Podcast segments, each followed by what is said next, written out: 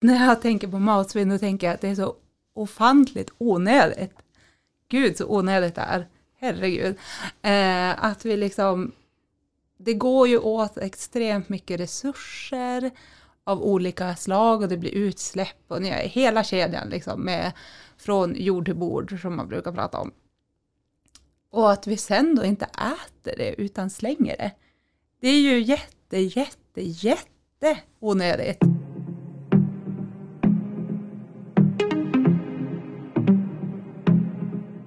Ska man välja närproducerat eller ekologiskt? Måste man äta veganskt för att vara klimatsmart? Och hur gör man egentligen för att navigera rätt i matvärlden? I det här avsnittet gästas vi av experten på hållbar matkonsumtion, Märta Streifert. Hon jobbar till vardags på Umeå kommun som projektledare för restaurangnätverket Mat och klimat i norr. Och hennes uppgift är att öka kunskapen om hållbar konsumtion och då främst när det kommer till mat. Vi har också ett besök hos restaurangen Gotthards som har gjort en grej av att laga dagens lunch av matsvinn. Du lyssnar på Klimatekot i samarbete med Energi och klimatrådgivningen vid Umeå kommun. Och jag heter Elin Leonberg.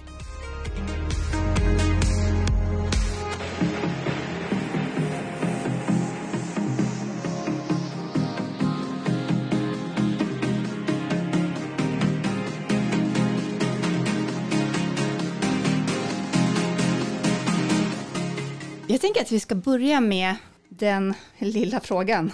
Hur stor roll spelar det egentligen vad det är vi äter? Det spelar ju roll, så är det ju såklart. Men eh, om vi bara tittar här i Umeå så har vi gjort en konsumtionsvaneundersökning 2018 då vi kollade på liksom hur vi konsumerar och så beräknades det till ett klimatavtryck. Och då såg vi ju att en fjärdedel av klimatutsläppen kommer ju från livsmedel. Eh, och hälften kommer från transporter. Så transporter är ju såklart kanske den absolut viktigaste pucken, men livsmedel är ju inte oviktigt. Och det är ju bara ur ett klimatperspektiv. Sen spelar det ju också roll för den biologiska mångfalden och övergödning och markanvändning och rättvisefrågor och så vidare. Så det är klart att det spelar ju en roll. Så är det ju. Varför tror du att maten så ofta blir en konfliktfråga? Ja, varför blir det det? Det är ju ganska svårt. Det är väl också för att det har att göra med att det blir ganska personligt med mat. Alltså, ingen ska komma och säga åt mig vad jag ska äta. Alltså det är ju liksom väldigt, väldigt personligt. Så att då är det ju klart att det också blir liksom mycket känslor kring det. Eh, och jag tror inte heller det är vägen att liksom med pekpinnar säga åt så här, ät inte det eller ät det, eller, utan att det handlar mer om att höja kunskap och prata om frågorna och sen får alla göra valen som man själv tycker är det rätta utifrån ens egen kanske eh, värderingar. Om man tycker att någon särskild fråga är viktig, till exempel att ja, men rättvisefrågan är jätteviktig för mig, ja men då kan jag försöka äta så här, inte att säga att nu måste alla äta så här för att då, eh, då tror jag att om man har den, eh, vad säger man, det, det sättet att tala på så blir det nog ganska konflikt, eh, vad säger man, konflikthett. Det kanske inte är ett riktigt ord, men eh, jag tänker att då blir det det här liksom att du ska inte komma och säga åt mig vad jag ska stoppa i min mage. Eh, för det är ju väldigt nära en, men ens pension och liksom liv och livsstil. Mm. Mm. Jag hörde någonstans eh, eh, där de jämförde det med vår tids religion. Mm. Vad vi äter för något. Ja, ja, jo men så, det kan ju mycket väl vara det. Om man tänker liksom bara allt fokus på mat och, ja men kopplat, inte bara då liksom till hållbarhetsaspekter men även så här hälsa och liksom eh, identitet och liksom kultur och ja, nej det var ju kanske inte en jag vet inte så mycket om hur de har jämfört det som en religion, men jag tänker det var kanske inte en helt oklockren så här jämförelse egentligen. Ja. För det finns ju väldigt starka känslor kring vem som äter vad. Och som du säger, oavsett vilken diet egentligen handlar om, är det LCHF eller det, eh, vad, vad, man nu väljer liksom så. Precis. Det finns alltid åsikter på något sätt. Precis. Det finns ju liksom en norm, tänker ja. jag också. Mm. Men hur tänker du, hur pass eh, svårt är det att ändra själva normen då? Ja, det, är ju, det tänker jag inte är superenkelt. Men jag tror ju personligen väldigt starkt liksom på det här eh, att alla val vi gör som individer spelar roll i slutändan. Att liksom det här trycket underifrån spelar ganska stor roll och det tror jag också är en väg att ändra normer. Alltså till exempel om i mitt kompisgäng säger vi om ja men, någon där är jätteintresserad av att bara liksom äta veganskt och så börjar vi ja men varje middag man är på eller fika eller och så börjar man prata om det och så inspirerar det den andra kompisen till att äta veganskt en gång i veckan eller vegetariskt eller ja. Och så sen blir det ju liksom i den lilla gruppen växer det ju och så går det utanför. Ja men då sprids det ju liksom så jag tror, eh, jag tror att det är ganska svårt att ändra normer som helhet i, på kort sikt men jag tror att det också går på lång sikt och att det lilla man själv gör spelar roll. Eh, och det tror jag också är viktigt om man känner någon form av liksom till exempel klimatångest eller om man känner liksom ångest över biologisk mångfald eller vad det kan vara. Då tror jag att det också är viktigt att försöka känna att ja, men, det lilla jag gör kan spela roll i helheten. Även om det kanske inte känns som att det är ett direkt resultat. Sådär, ja. Men ja, jag tror att det går, men jag tror att det är ganska svårt också. Um, mm. Inte så enkelt med andra ord. Mm. ja. Men var ska man börja om man vill äta mer hållbart? Ja, det är ju inte heller så där tvärenkelt. Det finns ju inget egentligen rätt och fel svar. Eh, men jag tror att man bör börja med att gå till sig själv och tänka att är det viktigaste för mig att maten jag äter ska bidra till minskade klimatutsläpp eller är det till ökad biologisk mångfald eller är det till rättvisefrågor eller vad det nu är, alltså utifrån de här värderingarna man har. Um, och sen försöka liksom läsa på, öka kunskapen, ja men till exempel biologisk mångfald, ja men eh, ett första steg kan ju vara då att börja äta lite mer ekologiska livsmedel, ja men vilka livsmedel finns som är ekologiska som passar just min plånbok? Och så kan man liksom börja lite smått och så kan man öka på. Eh, om vi tänker att, ja men, om man börjar med målsättningen att så här, varje måltid vill jag minst en ekologisk produkt till. Och vad det nu kan vara, det kanske är morgonfiltallriken, ja men då kanske man kan köpa filet ekologiskt. Eller är det middagen då man äter, eh, ja men vad vet jag, rotfruktsgratäng med någonting, ja men då kanske jag kan köpa potatisen ekologiskt och så vidare. Och sen finns det ju också eh, olika föreningar som har gjort eh, kartläggningar eller kunskapsmaterial där man säger ja men de här produkterna eller råvarorna är viktigast att byta ut först. Kan man ju börja med dem. Till exempel vet jag att man brukar säga kaffe, bananer eh, och så vidare. Så att det kan ju vara enkla, liksom, börja med de så här små stegen eller om du vill äta lite mer växt, växtbaserat, ja men då behöver du ju inte äta det sju dagar i veckan. Alltså då kan det ju räcka med att, ja men eh, lunchen på måndagar, då vill jag testa att äta en ny eh, vegetarisk rätt till exempel, eller vad det kan vara. Och sen tror ju jag att ju mer man, alltså om man tar det i små steg och planerar om sin kost på olika sätt och vis, då kan man ju förlängningen kanske också frigöra ekonomi, för det handlar ju ganska mycket om det, att vissa råvaror är ju mycket dyrare också, så då eh, kan det ju vara svårt kanske eh, för till exempel en småbarnsfamilj att ha råd att köpa, vi säger ekologiskt lokalproducerat kött. Det kanske inte passar in liksom i prisbilden, eh, men genom att liksom ta det i små steg och kanske byta ut saker som drar ner kostnaden, så i slutändan kanske man kan en gång i månaden köpa det lokala, kanske ekologiska köttet till exempel. Så att jag tror att det handlar också om lite planering.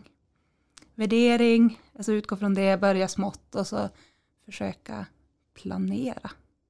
det låter ju ganska tråkigt, men jag tror att det är nycklarna liksom. Ja. Mm.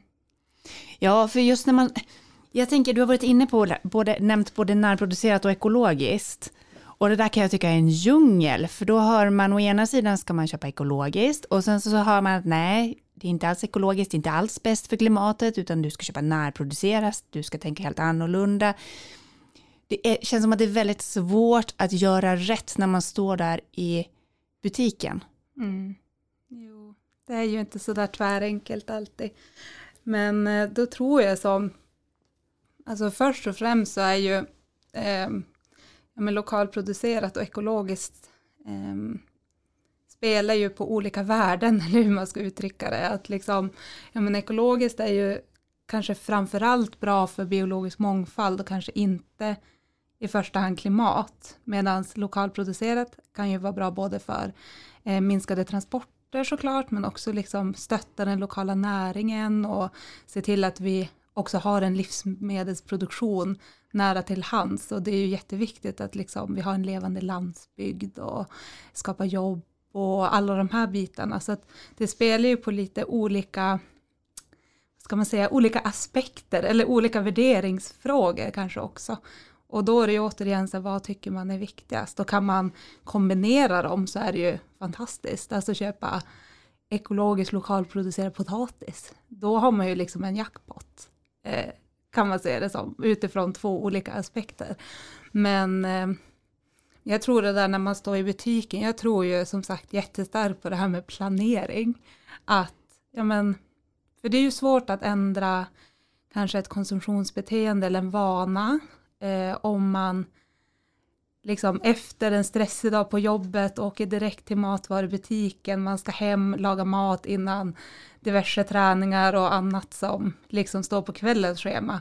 Ska man stå där och, jaha just det, de här hållbarhetsaspekterna också ska jag ta hänsyn till. Det är ju inte så här superenkelt då att slänga in den kunskapen man har läst någonstans i det skedet. Så jag tror ju på det här med planering. Alltså att, ja men om man vet att, ja men vi kommer behöva, man behöver äta middag kanske alla dagar, men om man vet att, ja men måndag till onsdag då eh, har vi inte bestämt något än, ja men att försöka ta tio minuter, en kvart av sin dag innan måndagen eh, och liksom tänka att ja men vad ska vi äta då? Ja men då vill vi äta det här och det här. Och så kan man tänka då, ja men just det, vi vill köpa lite mer ekologiskt, ja men då kanske det passar med den här rätten, ja men då kan jag se om det finns, ja men nu tar jag det igen, ekologisk potatis, för det finns ju mer eller mindre alltid. Eh, och så byter jag ut det och så skriver man upp det liksom och planerar. Jag tror att då blir det så himla mycket enklare Eh, för att det går ju som inte riktigt att kräva att man ska stå där och ta allt på studs och komma ihåg allt man någon gång har hört. Det är liksom, alltså jag är ju ett big fan av veckoplanering. Eh, jag tänker att det är en jättebra, ett, ett bra verktyg för att liksom göra det lite enklare för sig. Mm. Det är värt den tiden det tar att sitta och tänka till lite. Mm. Men jag tänker också när man står där i mat, mataffären, jag var iväg och handlade igår och så försökte jag verkligen tänka, apropå, vi skulle ha det här samtalet idag, du vet jag hade det verkligen färskt i huvudet sådär, okej okay, men nu ska jag tänka efter när jag handlar. Och så stod jag där och valde och så, ja paprikan, ja den kommer från Spanien. Och så, ja, är det, är det okej okay, liksom? Mm. Och sen så köpte jag hem hirs, ja den var ekologisk. Eh, och så kom jag hem och så säger min man, Ja, gjorde Kina. Och så kände jag genast att ja, men det, det, var väl kanske inte så bra. Den åkte över hela jordklotet liksom för att komma mm. hit för att vi ska äta lite hirs. Ja. Alltså jag vet inte hur, hur ska man tänka kring det där? Jo, men det där är ju såklart jättesvårt. Men jag brukar tänka med ekologi, alltså för att om, om jag verkligen vill ha en då produkt som, ja men den går inte att eh, tillverka i Skandinavien, för vi har inte det liksom klimatet, det passar inte våra odlingssätt till exempel. Jag tänker eh, vanligt vitt ris till exempel, det är ju en sån här sak som ja, det reser ju långt varje gång vi ska äta det. Men om man då ändå vill äta det, alltså för att ja, men, man tycker det är jättegott eller vad det nu kan vara för anledning, då är det ju alltid det ger ju ändå nytta att välja ekologiskt för att då stöttar man ju, vi är ju en planet och alltså biologisk mångfald till exempel och klimat, alla de här frågorna, det är ju inte så att det är bara ett lokalt problem. Det är ju liksom ett globalt problem och då kan man ju stötta andra delar av världen, alltså andra länder, andra liksom ställen som inte då är lokalt med att ändå ställa om sin produktion, för det är ju minst lika viktigt. Eh, och det är ju det där liksom att tänka nära sig och långt bort från sig och liksom, ja, men ekologiskt är ju liksom, ja, det ger ju en effekt, bara att vi kanske inte ser den med blotta ögat direkt liksom. Eh, men sen kan man ju tänka också om man då om man då är mogen för det och känner att så här, ja men nu har jag köpt, eh, ja men nu till exempel då, nu blev det mycket snack om ekologiskt, men om jag har, det är så enkelt exempel också, men om man då har köpt ekologiskt ris och så känner man, nej men jag känner ändå att jag vill, jag vill göra något mer, alltså jag vill också att det ska typ vara lite mer närproducerat. Ja men då finns det ju alternativ som kanske inte är exakt som det vita riset, men till exempel har vi ju mathavre och matvete och det har börjat komma så här havreris som produceras ändå till viss del liksom i Sverige eller till stor del, har för mig, nu kanske någon blir arg på mig, men jag tänker att eh, det är ju betydligt mer lokalproducerat i varje fall. Eh, och då kan man ju börja byta ut det och testa det. Ja, men, istället för att ta ris då till den här produkten, då testar vi lite matvete. Liksom. Men då kommer man ju till problematiken att det smakar ju inte exakt likadant, det är inte exakt samma textur. Det blir ju liksom en, en ny komponent. Och då måste man ju börja vänja om sig vid att lära sig en ny smak och textur. Om man är van vid liksom det här mjuka riset som smakar på ett visst sätt i munnen och så får man något med lite så här kärna och liksom, eh, ja, då ska man vänja om sig till det. Eh, och det ser lite brunt ut kanske, det kanske inte ser ut som det brukar eller hur det nu är. Så att då kommer det in liksom en så här lite beteende förändringsfråga till, att liksom, ja men hur ska vi då tycka att det är lika gott? För att smaken ska ju alltid vara i första rummet också med maten, annars kommer vi inte äta det. Det måste ju alltid smaka supergott så att man vill äta det. Eh, så att, men det är en vane, grej tror jag också, att lära om.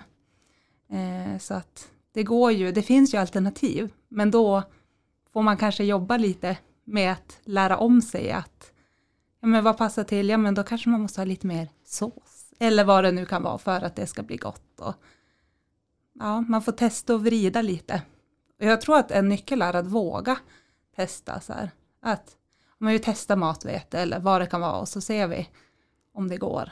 Eh, ja, så får man, vad behöver vi för tillbehör till då? Ja, men man kanske behöver mycket mer sås eller vad det nu kan vara för att det ska gå hem. Eller så går det hem rakt av, man vet ju inte. Men man måste nog prova. Mm. Mm. Ja, det är som du säger, för det är ju så mycket beteendeförändring i just mat och vi har pratat om det många gånger i den här podden hur klurigt det kan vara med beteendeförändringar. Jag tänker, när vi, jag började äta vegetariskt för några år sedan bara, eh, och åt innan dess väldigt mycket kött och ja, men, mat som jag alltid har vuxit upp på, som är enkelt. Och det största hindret upplevde jag var just där att, ja, men dels att man inte har recepten, man vet inte vad är det jag ska laga, då blir det en stor grej. Mm. Eh, man vet att okej, okay, jag ska äta mer bönor och linser. Men då har vi två saker där. Dels är det smaken. Alltså det smakar annorlunda, det behöver kryddas på ett annat sätt. Eh, vilka kryddor ska man välja? Men också hur ska det tillagas? Alltså det är ju det är många delar i det här som är eh, mycket beteendeförändring och mm. mycket mm. liksom, ny kunskap som vi inte har. Mm. Mm. Jo, så är det ju. Och jag tänker också att om man inte har en, en liksom motivation till att liksom varför man vill börja äta på ett visst sätt, då finns det ju också ett motstånd för att till exempel att lära sig då de nya recepten och hur de ska tillagas och så vidare. Det kräver ju en kraftansträngning eh, som man kanske inte tycker det är så himla angenäm om man redan har ett fullspäckat liv. Så här, oh shit, nu måste vi tänka på det här också. Liksom. Så det är ju klart att det blir liksom en... Ja, men det är ju ganska svårt att ställa om. Eh, men då kanske man ska gå på det här att... Eh, ja, men, om, om det känns svårt att börja äta det själv, alltså att jag ska tillaga det, men ehm, eh, då kanske vi kan göra så att Eh, ja, men när vi ses med vänner så eh, testar jag den där eh, vegetariska pajen som den där kompisen gjorde och så öppnar jag upp nya smakbilder och liksom, ja men det var ju jättegott och så kanske jag frågar hen om hur har du tillagat den här? Och så lär man sig något nytt. Alltså att man behöver inte börja så stort och tänka att jag ska kunna allt själv på en gång. Eller typ när man går ut och äter man kanske äter lunch ute på restaurang någon gång i månaden eller veckan eller hur ofta man gör det. Ja, men våga testa det då. För att då är det ju proffs som gör allt för att alla maträtter ska vara så goda som möjligt. Det är ju liksom perfekt. Då kan man ju lära sig att så här, men om det då är baljväxter man vill äta mer av, ja men då välj en rätt med baljväxter och så säger ja men shit, här har de gjort en biff eller här är det i en gryta och det var ju gott.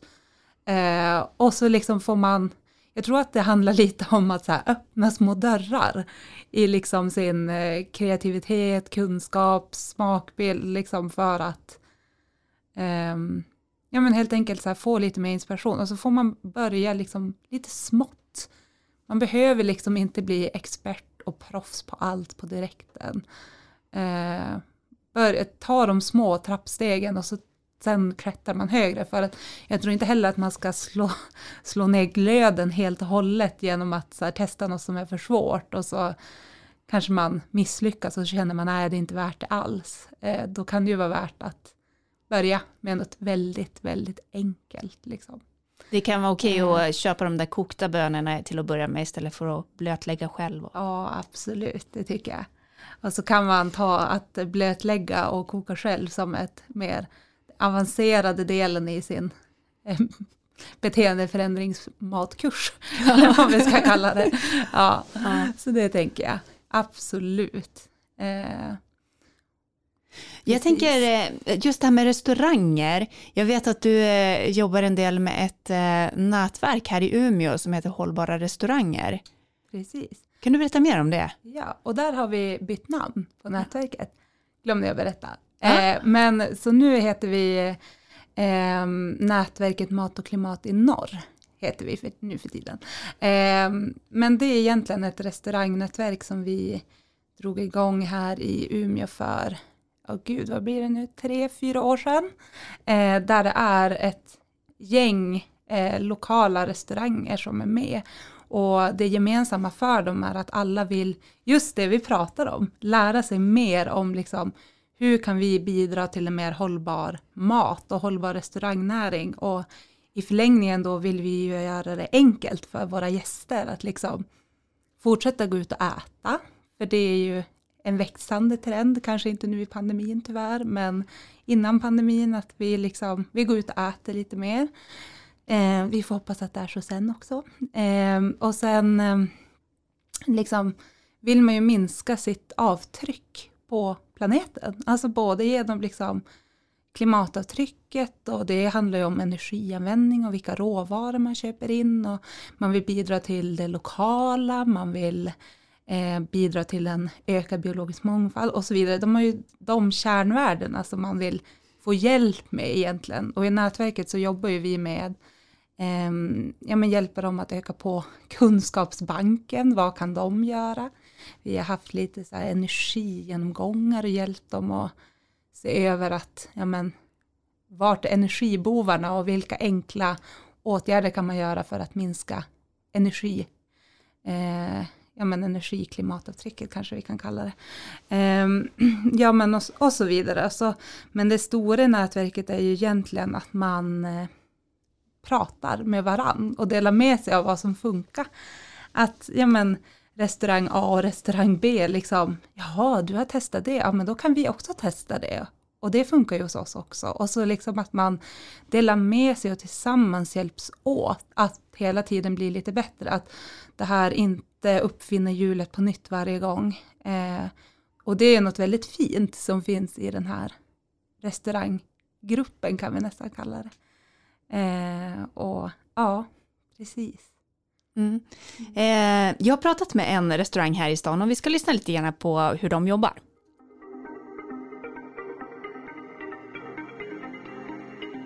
Så här ser det ut i köket. Här håller de på med dagens lunch idag. Det är någon broccoli, någon tomat och de gör någon enkel så här pasta. Vi kallar det för Svingott, bara för det heter själva projektet med Martin Servera liksom. Eh, men det är så känsligt egentligen hur man pratar om de här grejerna tycker jag med svinn. Ska man, ska man kalla det för svinn eller ska man, det är ju bara vanlig mat. Anders Samuelsson heter jag. Jag jobbar här som kreativ ledare och köksmästare för Blå huset. så alla våra sju verksamheter. Men eh, nu är vi på Gotthards krog idag. Restaurangen Gotthards i Umeå är en del av projektet Nätverk Mat och Klimat i Norr. Och redan för tre år sedan började de laga mat på matsvinnet från sin leverantör som de får köpa in till rabatterat pris. Och svinngott som lunchen heter blev snabbt en snackis i Umeå. Men om man ska laga mat på matsvinn så gäller det att vara flexibel och att tycka om den kreativa processen i att alltid hitta på nya rätter. Ja, precis. Vi får ju ett Excel-ark. Jävligt osexigt Excel-ark. Specificerat med eh, råvara, kilo, också defekt liksom. Om det är bäst före-datum eller om det är fel färg på en grönsak. Eller ja, deras definition av defekten liksom. Eh, och så får vi det en dag innan på eftermiddagen och sen dagen efter då kommer råvarorna. Så två gånger i veckan får vi nya råvaror. Då får vi en bur med eh, grönsaker helt enkelt. Och då, det är väldigt blandad påse. Det är nog upp mot 20-30 artiklar som kommer varje vecka. Eh, eller varje leverans. Och, och det här är då grejer som de inte har kunnat sälja? Ja, precis. Det är det ju.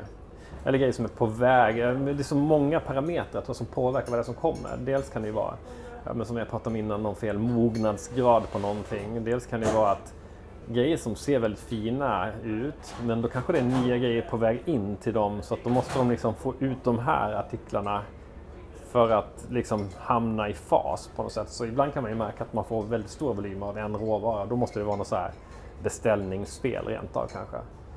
Eh, men, men det är väldigt blandade grejer som kommer. Så är det. Och så får vi dem då en dag innan Eh, får vi arket, då kan vi börja planera vad vi ska laga och sen så lagar vi då liksom när grejerna kommer på morgonen. Det ligger ju alltid några dagar före såklart. Och så lagar vi, sätter vi upp en dagens rätt och så varje dag klockan 10 så lägger vi upp en bild på Instagram och en, eh, en liksom beskrivande text om vad det är vi har lagat idag. Liksom. Ja, berätta hur ni jobbar med, med menyer och planering. Ja, precis. Men vi jobbar ju inte med menyer då helt enkelt, för det, det, går ju inte. Utan vi vet ju aldrig vad det är som kommer egentligen. Så det, det är varje dag klockan 10 man får veta vad som blir dagens rätt. Liksom. Så det är ju eh, kanske det som är den stora utmaningen tror jag för, för andra att jobba med det, att man aldrig kan veta vad som kommer. I början trodde ju folk att vi kunde välja och vraka sådär bara ja men vi tar sparrisen men vi vill inte ha moroten eller potatisen. Men vi tar verkligen allt och det är liksom det är lite det som vi tycker är det viktiga. Inte att så här, vi gör inte det här för att tjäna mer pengar på råvaror utan vi gör det för att ja, det känns som ett viktigt jobb som måste göras. Och då måste man inte ha allt för att annars får man inte heller den utmaningen som man kanske behöver i det. Eller man får inte en verklig bild av hur det ser ut. Eller, men nu tycker jag som att man får det. Så det är kul. Nu är det måndag och vi får nya svinvaror imorgon. Men det här är ju liksom... Det här är traven med svinn. Förmodligen mycket från i torsdags. Det är en hel vagn bara. Ja, men det är ju det är säkert en 80-90 eh, kilo det här. Det här är ju rosmarin liksom som... Det, sånt här kommer ganska ofta liksom. Men vad är det för fel på den där då tror du? Nej, det vet jag inte. Det här kan vara en sån där som att de har fått fel i beställningen, att de har fått hem för mycket volym och så har de inte fått avyttring på det. Ja, men sen är det ju liksom, Fysalis har ju seglat upp mycket på slutet här. Då kan det ju vara att det är en ett mögligt bär eller någonting i en ask sådär. Vi har haft mycket exotisk frukt på slutet. Och sen kommer det ju alltid avokado såklart. Det är ju stående. Men det här är nog klassisk så här svinnpaprika. Den här ser ju härlig ut men eh, den har ju då enligt eh, kriterierna vissa skönhetsfel. Så här, att den är lite skrovlig och ful och förmodligen fel röda färg också på den. Så du menar att det här lilla vita som vi ser, mm. liten skada, ja. det gör att det blir svinn? Det gör att det blir svinn, ja. Det är ganska extremt, ja. Och sen kan det säkert, ja de är jättefina, härliga. Och strimlad rödkål kommer också ofta. Strimlade saker liksom. Också datumen som styr men, men grejerna håller ju mycket, mycket längre. Ni smakar och luktar? Vi smakar och luktar och vi förädlar ju en hel del. Vi mjölksyrar in ganska mycket grejer. För så här, det är ju ändå ett trick om man ska jobba med svinn. Att få grejerna att leva längre. Då måste man ju som ta hand om och förädla som paprikan där fem lådor. Om inte vi gör någonting med dem så kommer de bara ligga här och ruttna bort och då är ju liksom poängen ganska meningslös. Sådär. Så då gör vi mycket mjölksyrningar och vi torkar och vi picklar och tar hand om grejer på det sättet. Det måste man nästan om man ska få liksom en bra ekonomi runt det. För jag menar visst, vi sparar ju många kronor per kilo på de här grejerna. Men eh, arbetskostnaden sticker ju istället för det tar ju mer tid att ta hand om ja, men bara det att laga mat på så här random grejer som du inte på förhand vet vad det är som kommer. Det blir ju så sjukt mycket mer tankeprocess och att du måste som verkligen så här, göra något kreativt med det. Så att det... Vad tycker du om det då? Ja men det är ju roligt. Vi har ju en kille nu på lunchen som är Han är som lite dedikerad det här projektet. Eh, för att ja, vi känner att vi måste laga liksom en annan typ av mat än vad vi har lagat förut. Vi måste liksom leta mer i andra, andra världsdelar liksom och hitta en liksom mat som är kanske mer ja, men lite deras pyttipanna på något sätt. Att man måste hitta de här rätterna som där man inte är låst till en enda råvara utan det kan vara ganska flexibelt. Sådär. Men jag menar, tittar man in här så ser man ju inte alla gånger skillnad på det som är svinn och det som är fullprisvaror. Liksom, sådär. Det är inte helt solklart. Hur tänker du då kring det här med mängden svinn som faktiskt är på leverantörssidan? Ja, nej men den är ju svår tycker jag. Jag vet inte riktigt hur man ska komma till bukt med det ordentligt. Alltså det är väl det är väl fel på själva affärsmodellen någonstans i hela kedjan. Och eh, jag menar det vi gör det är ju bara att hantera liksom en, en, en bråkdel av allt svinn som finns. Och egentligen kanske vi gör själva problemet en ogärning. Liksom. Det vore kanske bättre att det fick kosta pengar för företagen att slänga råvaror. Liksom, än att man hittar ett fint litet projekt som man föder med grönsaker och så har man liksom gjort sitt och har ryggen fri lite grann. Det finns ju, det finns ju en sån problematik som man kan tänka att det blir lite greenwash-varning över det på något sätt. Men äh, det är ju en jättesvår fråga alltså. Hur man ska attackera svinnet på det stora hela. Det tycker jag. Vad eh, får ni för reaktion från eh, era gäster då? Jag tänker framförallt nya sådär som... Ja, men det är nästan det svåraste tycker jag att riktigt nå ut. Liksom, de, som, de som vet vad vi gör, de är ju väldigt trogna och liksom, vi har ju en bra stammiskultur. Men vi har ju definitivt så här också bytt målgrupp lite grann under. Vi har fått en yngre publik, mer medveten, förstår att liksom mitt aktiva val gör skillnad. Eh, Medan det finns också folk som så saknar en köttad bit eller ja. För vi har också gjort bryt att vi började servera vegetarisk mat också i samband med det här. Dels för att projektet bygger då på överskottsgrönsaker och inte på, vi tar inte emot kött eller mejeriprodukter, vi jobbar ju bara med grönsakssvinnet liksom.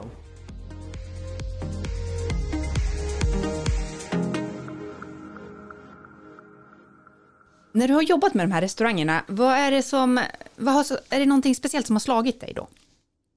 Ja men delvis eh, har det ju slagit mig att det finns ju en enorm liksom kunskapsbank eh, hos de här restaurangerna. Alltså, man kan mycket, man vill mycket och framför allt det som är så tydligt när man träffas och börjar prata om de här frågorna att man kan ju tänka sig att restaurangerna bör vara, de är ju konkurrenter på ett vis. Och att man då borde kanske vilja sitta och hålla på de här sakerna man har gjort. Men när det kommer till hållbarhetsfrågorna då finns det en sån enorm vilja att dela med sig. Att det är liksom en fråga som man har landat i, det här tacklar vi inte själv, det här tacklar vi gemensamt. Och det är väl det som jag tycker är det finaste med nätverket, att liksom eh, vi tillsammans liksom ska nå ett mål. Det handlar inte om att skydda det vi har gjort. Eh, så det finns ju en väldigt så här kollektiv och gemenskap anda. Att tillsammans ska vi någonstans. Eh, och det tycker jag är ju fantastiskt. Och det görs ju väldigt mycket hos restaurangerna. Vi har ju jätteduktiga och engagerade liksom som gör ändringar och de eh, lagar ny typ av mat och man ja, men, gör liksom åtgärder av olika slag eh, och att man då liksom delar med sig av varandra. Ja, men det här funkar. Det här funkar kanske inte superbra, så testa och gör på något annat sätt. Eller liksom, och det är ju så vi tar oss framåt. Eh, mm, så det är, ja, jag tycker det är väldigt, jag tycker det är väldigt fint. Det är som mitt, mitt liksom stora ord för nätverket. Det är en fin liksom gemenskap och liksom drivkraft framåt. Mm. Mm. Hur stor roll tror du att de kan vara då i den här eh, förändringen mot att äta mer hållbart? För gemene man tänker jag. Jag tror att det spelar en jättestor roll. Eh, som vi var inne på där i början, att liksom det här att de är ju proffs på att laga god mat. Eh, och det kan ju öppna de här nya dörrarna hos matgästerna och liksom jaha shit och så kanske man vill ta efter eller testa igen och liksom eh, så jag tror att restaurangen spelar en jättestor roll för just det här eh, sätta nya normer eh, som jag också har varit inne på och bidra liksom på olika sätt och vis till de här nya dörrarna som ska öppnas hos oss konsumenter och gäster. Um, men sen det, spelar det ju såklart roll också att, um, att restauranger, man köper ju in ganska mycket från, från olika liksom, eh, leverantörer så att tillsammans kan ju de också göra en ganska stor skillnad i sina val eh, så att säga. Mm. Så det spelar ju stor roll. Mm. Om man då tänker liksom livsindustrin som helhet, eh, vad har du för intryck, alltså vad ska man säga, vad har de för roll i det hela? Jag tycker att det är lite svårt att veta vilken sida de står på och vad man ska lyssna på. Är det öppna mm. landskap eller är det, alltså vem, vem vill vad, vilka intressen har de och så vidare. Hur ser du kring hela liksom, det stora livsmedelsindustrin? Ja, det är ju en jättestor och svår fråga. Eh, vad ser jag på det?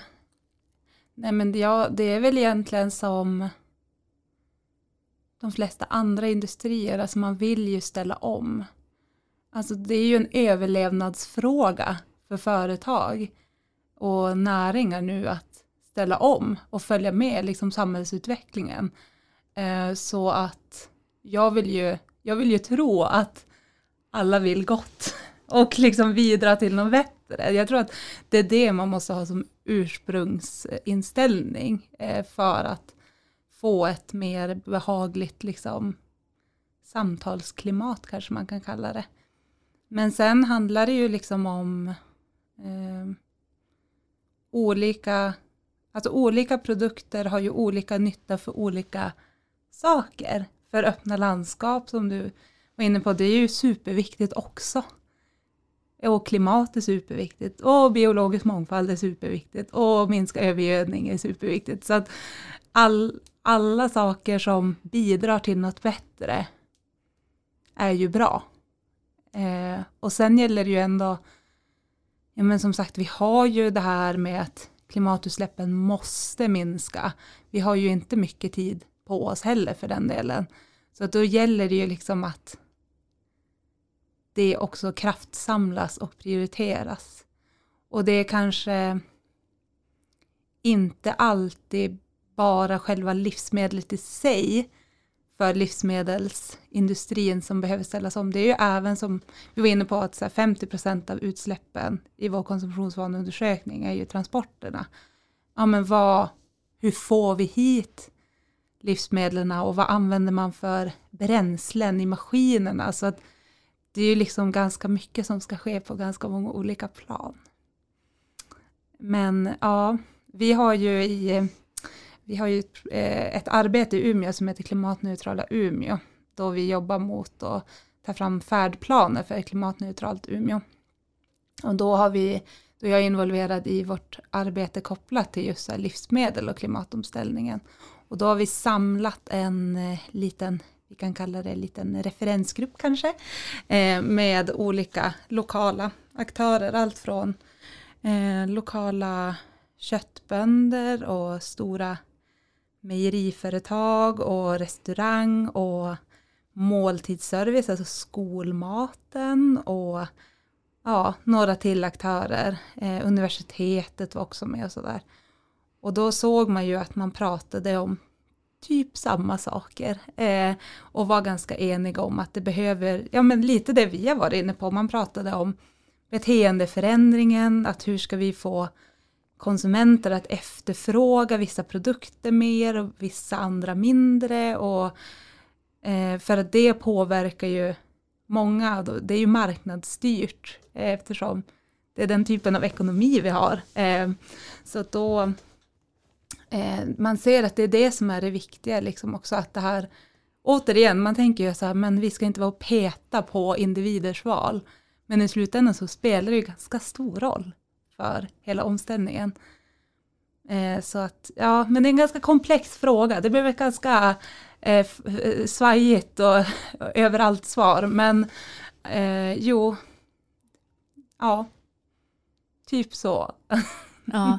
Jag tänker det finns ju en del hjälp att få nu också sådär, eh, till exempel eh, så har ju vissa matvarubutiker så här, man kan se vad det är man handlar. Man kan gå in i en app och så kan man se att okej, okay, men så här mycket har du, eh, så här mycket koldioxidutsläpp har du eh, haft den här månaden. Eh, och det där kan ju vara liksom dels en form av gamification, liksom att man triggas och man vill vidare. Men samtidigt blir det också, man ser de här staplarna så, okej, okay, men nu är, ja men som i vår familj då, som äntligen efter många, många år har börjat liksom äta ganska mycket vegetariskt. Mm. Men vi äter ju kopiösa mängder mejeriprodukter, alltså våra barn. Herregud vad de äter liksom, filomjölk och jag kan inte låta bli osten. Liksom. Mm. Eh, och då ser man ju, då är den stapeln gigantisk mejeriprodukterna. Liksom. Och så har man ju ändå i bakhuvudet, okej okay, men man ska äta kanske mer veganskt för att det ska vara bra för klimatet. Och, alltså, mm. hur ska man tänka kring allt det där tänker du? Ja, hur ska man tänka? Alltså först och främst är det ju lite det här med att eh, Eh, vad jag vet idag av de verktyg som jag har sett så utgår de flesta bara utifrån klimataspekten. Alltså att inte då väger in det här med biologisk mångfald eller markanvändning eller, eller så. Eh, och mejeriprodukter behöver ju, ja men det är kanske särskilt barn till stor del, eh, av utifrån de näringsämnen som finns. Eh, men sedan så Eh, om det också är något man, så här, det här är en stor del av kostintaget som jag, jag älskar det här, jag vill inte sluta äta det här liksom. Då tänker jag att eh, man inte ska behöva sluta helt och hållet med det. Det är kanske inte det man ska liksom angripa först. Om jag säger så, de här små stegen liksom. Eh, men och så kan man ju fundera då på att ja men jag är inte villig att släppa yoghurt, säger vi. Eh, ja, men kan jag bidra till någon annan av de här aspekterna då? Ja, men jag vill ju jättegärna bidra till biologisk mångfald och öppna landskap. Ja, men försök att välja då ekologisk yoghurt, som kanske också är lokalproducerad. Då bidrar man ju till någonting som också är viktigt. Um, men sen om det är just klimat man vill jobba mycket med, då, ehm, då kan man ju försöka kanske byta ut vissa saker eh, där det passar. Kanske testa någon annan typ av grädde i en gryta där det ändå är en massa annan smak. Eh, det är ju ett ganska så här enkelt knep. Ehm, så att man får väl försöka tänka att man kan ju ändå bidra till positiva saker även om man inte alltid bidrar till ett så drastiskt minskat klimatutsläpp. Um, och det är ju också viktigt. Men sen kan man ju också börja byta ut vissa saker. Eh, så. Och ha kvar andra som man tycker är viktigt. Mm. Så att återigen, man måste utgå från vad man själv tycker är det absolut viktigaste. Eh, och börja där. Det skulle jag säga. Och inte liksom skuldbelägga sig själv för att man inte vill släppa osten. Eller vad det nu kan vara. Då kanske inte det är det första. Alltså, börja liksom med det enkla för en själv. Gud vad skönt. Ja, jag tänker det. Ja. Vi ska inte vara så hårda mot oss själva. För man gör mycket bra också. Mm. Mm. Ja men det låter bra. Då fortsätter jag äta ost ett tag till. Eh, jag vet att du har ju också varit med och tagit fram en kokbok. Ja. Ja, som har släppts nu under våren. Precis. Eh, berätta lite grann om den här kokboken. Ja, eh, den heter då Mat och klimat och den baserar sig på vårt restaurangnätverk och vi tog fram den för att vi ville lyfta det här bra arbetet som restaurangerna gör och synliggöra det för att hur ska man annars veta om så mycket om vad de gör, eh, tänkte vi. Man vet ju det om man frekvent besöker ett ställe och deras egna kommunikation och sådär såklart. Men, men vi såg det som ett, ett eh, vi kände oss väldigt kreativa också som kom på en sån idé. Eh, att liksom samla alla så berättelser i en bok. Så då är flertalet av restaurangerna med och berättar om hur de ser på de här hållbarhetsaspekterna och frågorna och um, dela med sig av eh, ett vegetariskt recept, för då är den här kokboken alla recept vegetariska. Så att då är ju det en källa till den här inspirationen och recepten som du frågade om tidigare också. Eh, men sen, eh, det är liksom restaurangberättelsen och recepten är en stor del såklart av boken.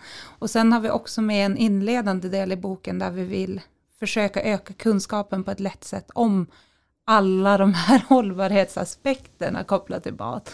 Så vi har då delar som handlar om ja, med maten och klimatet såklart. Och så har vi delar som handlar om eh, ja, men fisken i haven, eh, de, den biologiska mångfalden, palmolja, eh, rättvisemärkningar och andra märkningar för att liksom försöka på ett väldigt enkelt och vi har försökt vara så superpedagogiska för att liksom inte göra det krångligt och svårt utan alla, all den här kunskapen har vi samlat på tre sidor i liksom ganska korta stycken med, där vi verkligen har valt ut det viktiga som vi vill förmedla. Um, och det här bygger ju på kunskapen som restaurangnätverket har byggt upp och liksom det vi pratar om. Så att allting har ju sitt ursprung liksom i det. Uh, men det är väl också ett sätt att eh, för oss jobba med liksom mer kunskapshöjande inom mat och försöka göra det lite enklare eh, i det liksom komplexa. Så. Mm. Spännande. Ja. ja. Eh, jag tänker att vi måste ju prata matsvinn också. Ja. Ja, för det är ju ett stort problem och ändå någonting som alla av oss också kan göra någonting åt. Mm. Hur tänker du kring matsvinn? Alltså, matsvinn, det är ju, när jag, när jag tänker på matsvinn då tänker jag att det är så ofantligt onödigt. Gud så onödigt det är, herregud.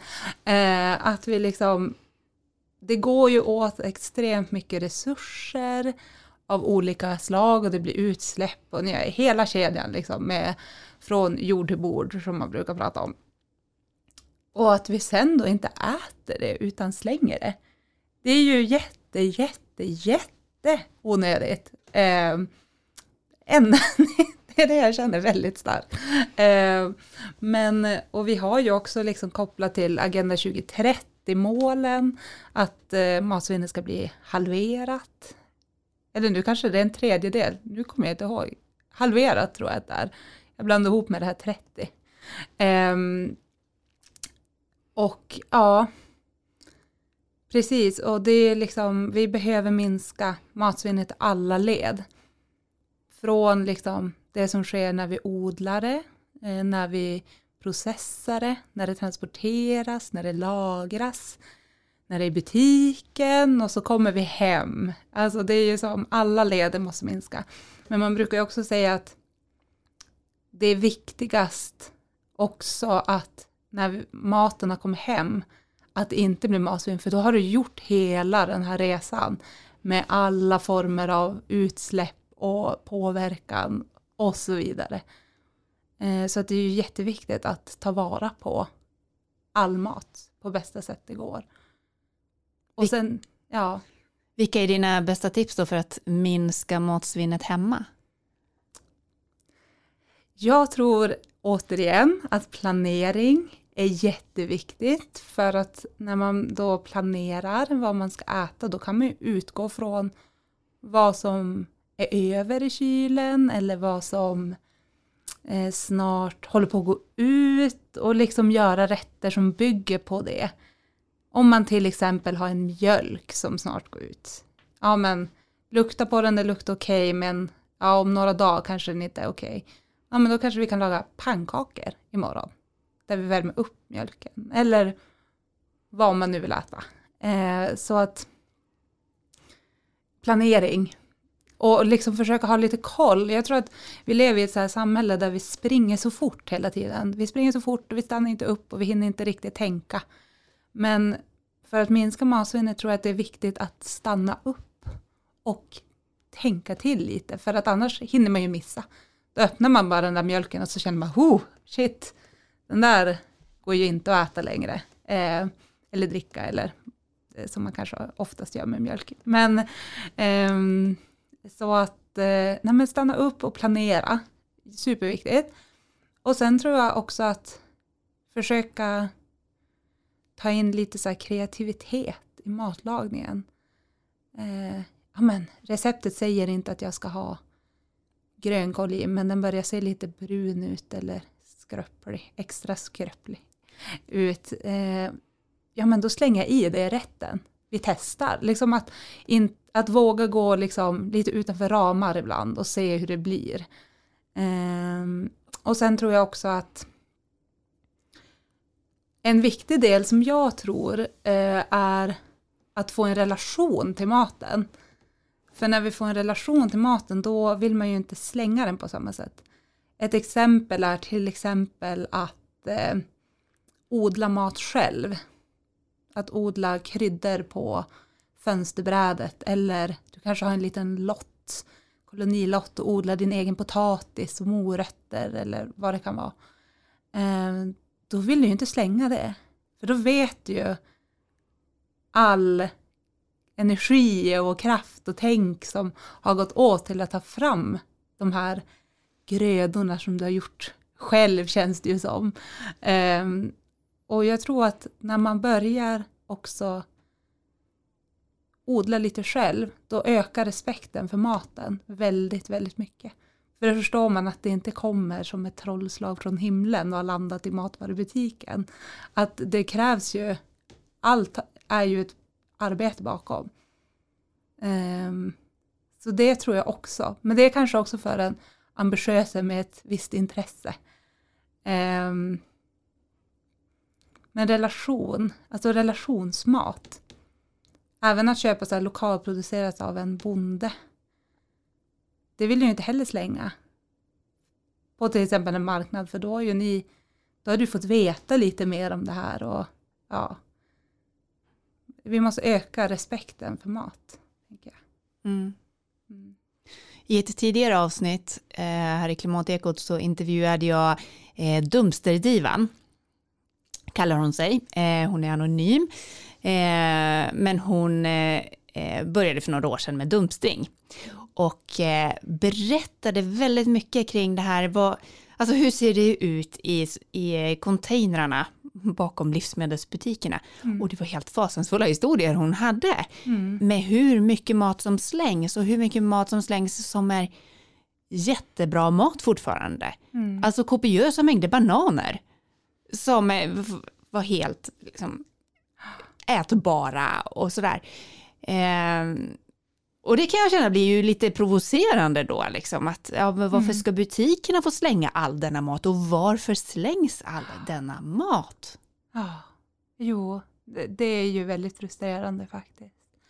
Men ehm, det är ju liksom, nu har jag en sambo som jobbar i livsmedelsbutik så vi brukar prata ganska mycket om just det här. Ehm, och det är ju liksom det här när något i typ ett nät med till exempel frukt har blivit mögligt. Om en, en, en frukt av fem har blivit möglig, då blir det ju ofta att man slänger hela nätet. Trots att fyra till exempel är hel och ren och inget fel på till exempel. Men finns Eh. det lagstiftning kring det, att man måste göra så, eller kan butiken välja att öppna nätet och plocka ut den mögliga och så säljer de andra på lösvikt? Det kan man. Det kan man. Eh, och det vet jag att man börjar göra till viss del i, på vissa ställen. Eh, kanske inte riktigt att man alltid lägger in det i, nu är inte jag expert på livsmedelsbutikerna, men, ehm, men, ehm, ja, men till exempel att man gör, vissa butiker har börjat med att de gör så brunpåsar med eh, saker som snart går ut eller som inte blir köpta på grund av att de är kanske lite krokig eller de är lite sned eller där sådana här frukter från ett nät eh, till exempel. Eh, då gör man sådana påsar och så reducerar man priset och så säger man det här är våra liksom eh, jag vet inte vad man kallar det, jag tror inte man kallar det svinnpåsar, då tror jag inte att så många hade köpt det, men man döper det till någonting och så är man, säger det här är sånt som annars inte blir köpt, ni får det till 20 kronor påsen. Och så är det liksom en gott och blandat påse med, det kan vara en jättesned palsternacka och några eh, persikor. Och så kan det vara någon supersned banan eller ja men någonting. För att ett problem är ju också att när vi står i butiken så väljer vi ju utifrån någon mall som vi har fått indunkat i huvudet från något håll ifrån. Så att vi väljer kanske inte den här jättekrokiga och konstigt formade palsternackan. Vi vill ju ha den här raka, perfekta i viss storlek. Och då blir ju alla de där som inte passar in i den där raka mallen blir ju svinn. För de blir inte sålda. Och det är ju en anledning också till att mycket slängs, tänker jag, att vi konsumenter inte väljer allting. Vi vill bara ha en viss, viss, vissa produkter som ska se ut exakt på ett visst sätt. Hur jobbar ni som kommun med exempelvis matsvinn i skolor och så? Mm. Um, Målservice är de som gör skolmaten då. De jobbar jätteaktivt med matsvinnsfrågan och är ju som en prioriterad fråga skulle jag säga.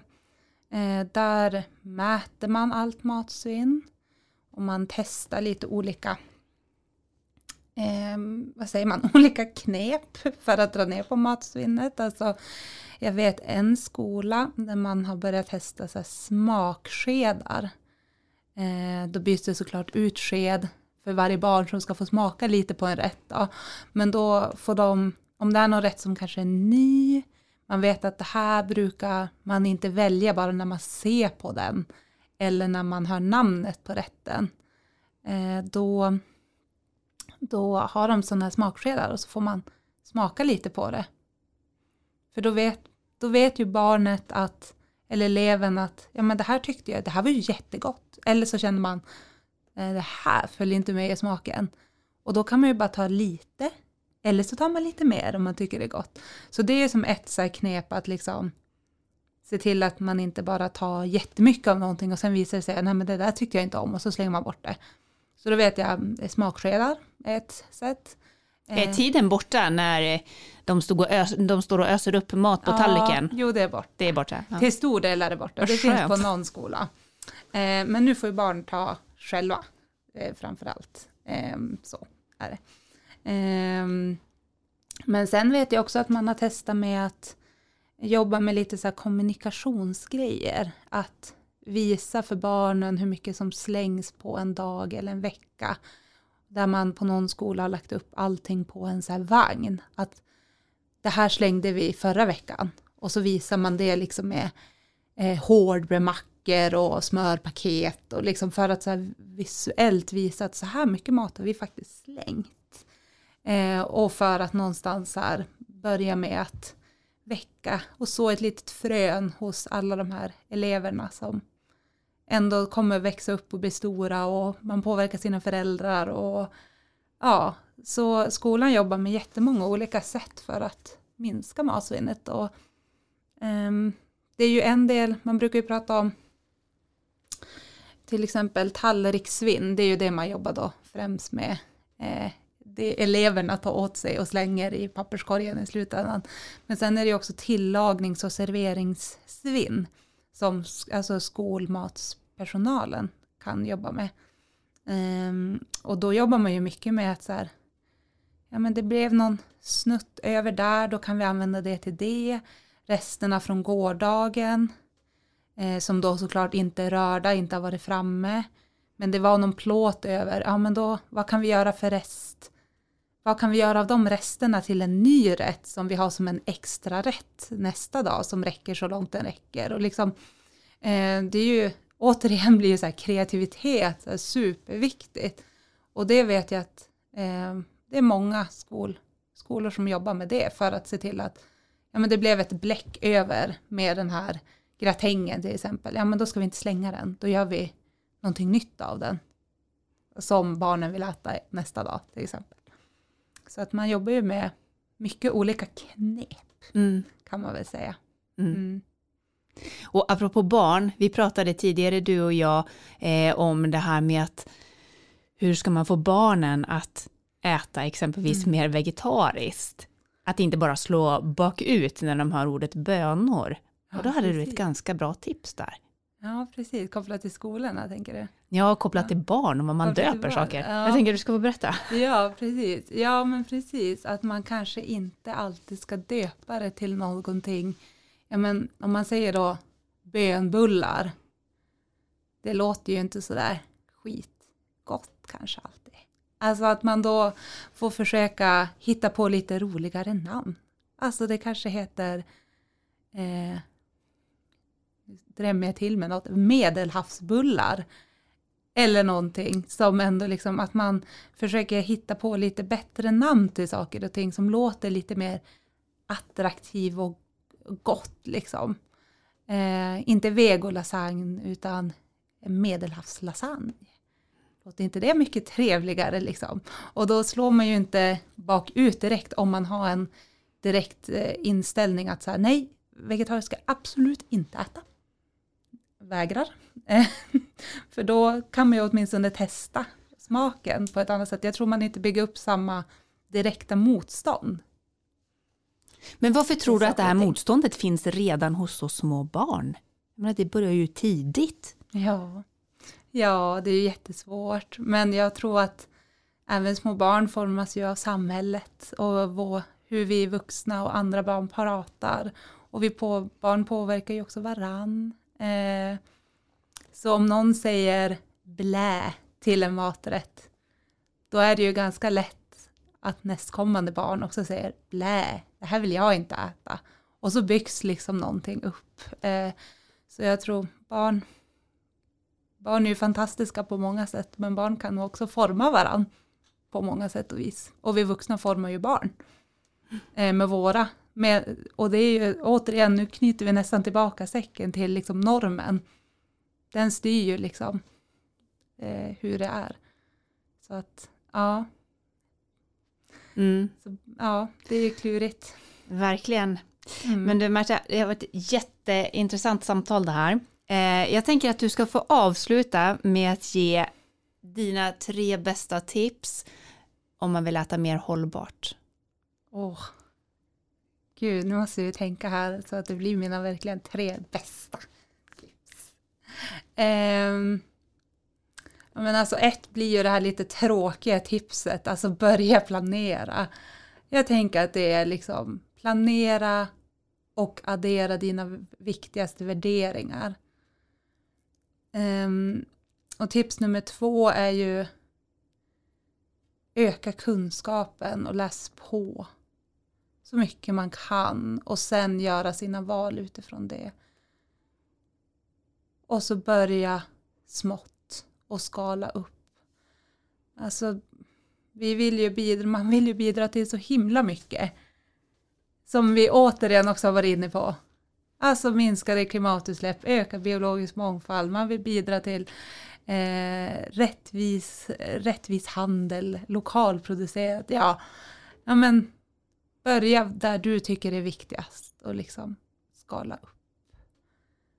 Ja, ganska generella råd, men jag tror att det, man måste utgå från sig själv, även om det känns svårt. Mm. Jag tror det blir bäst så. Stort tack för att du kom hit och delade med dig. Ja, tack. Jag fick vara med. Ja, det var maten och klimatet det. Och vill du också ha ett exemplar av den här kokboken som Märta har varit med och skrivit? Då ska du gå in på Klimatekots Facebook-sida och lämna en kommentar med ditt bästa tips för att minska matsvinnet. Då är du nämligen med i utlottningen av kokboken. Nästa avsnitt ska vi prata elbilar med Torgny Fors. Missa inte det. Njut av våren och tack för att du har lyssnat.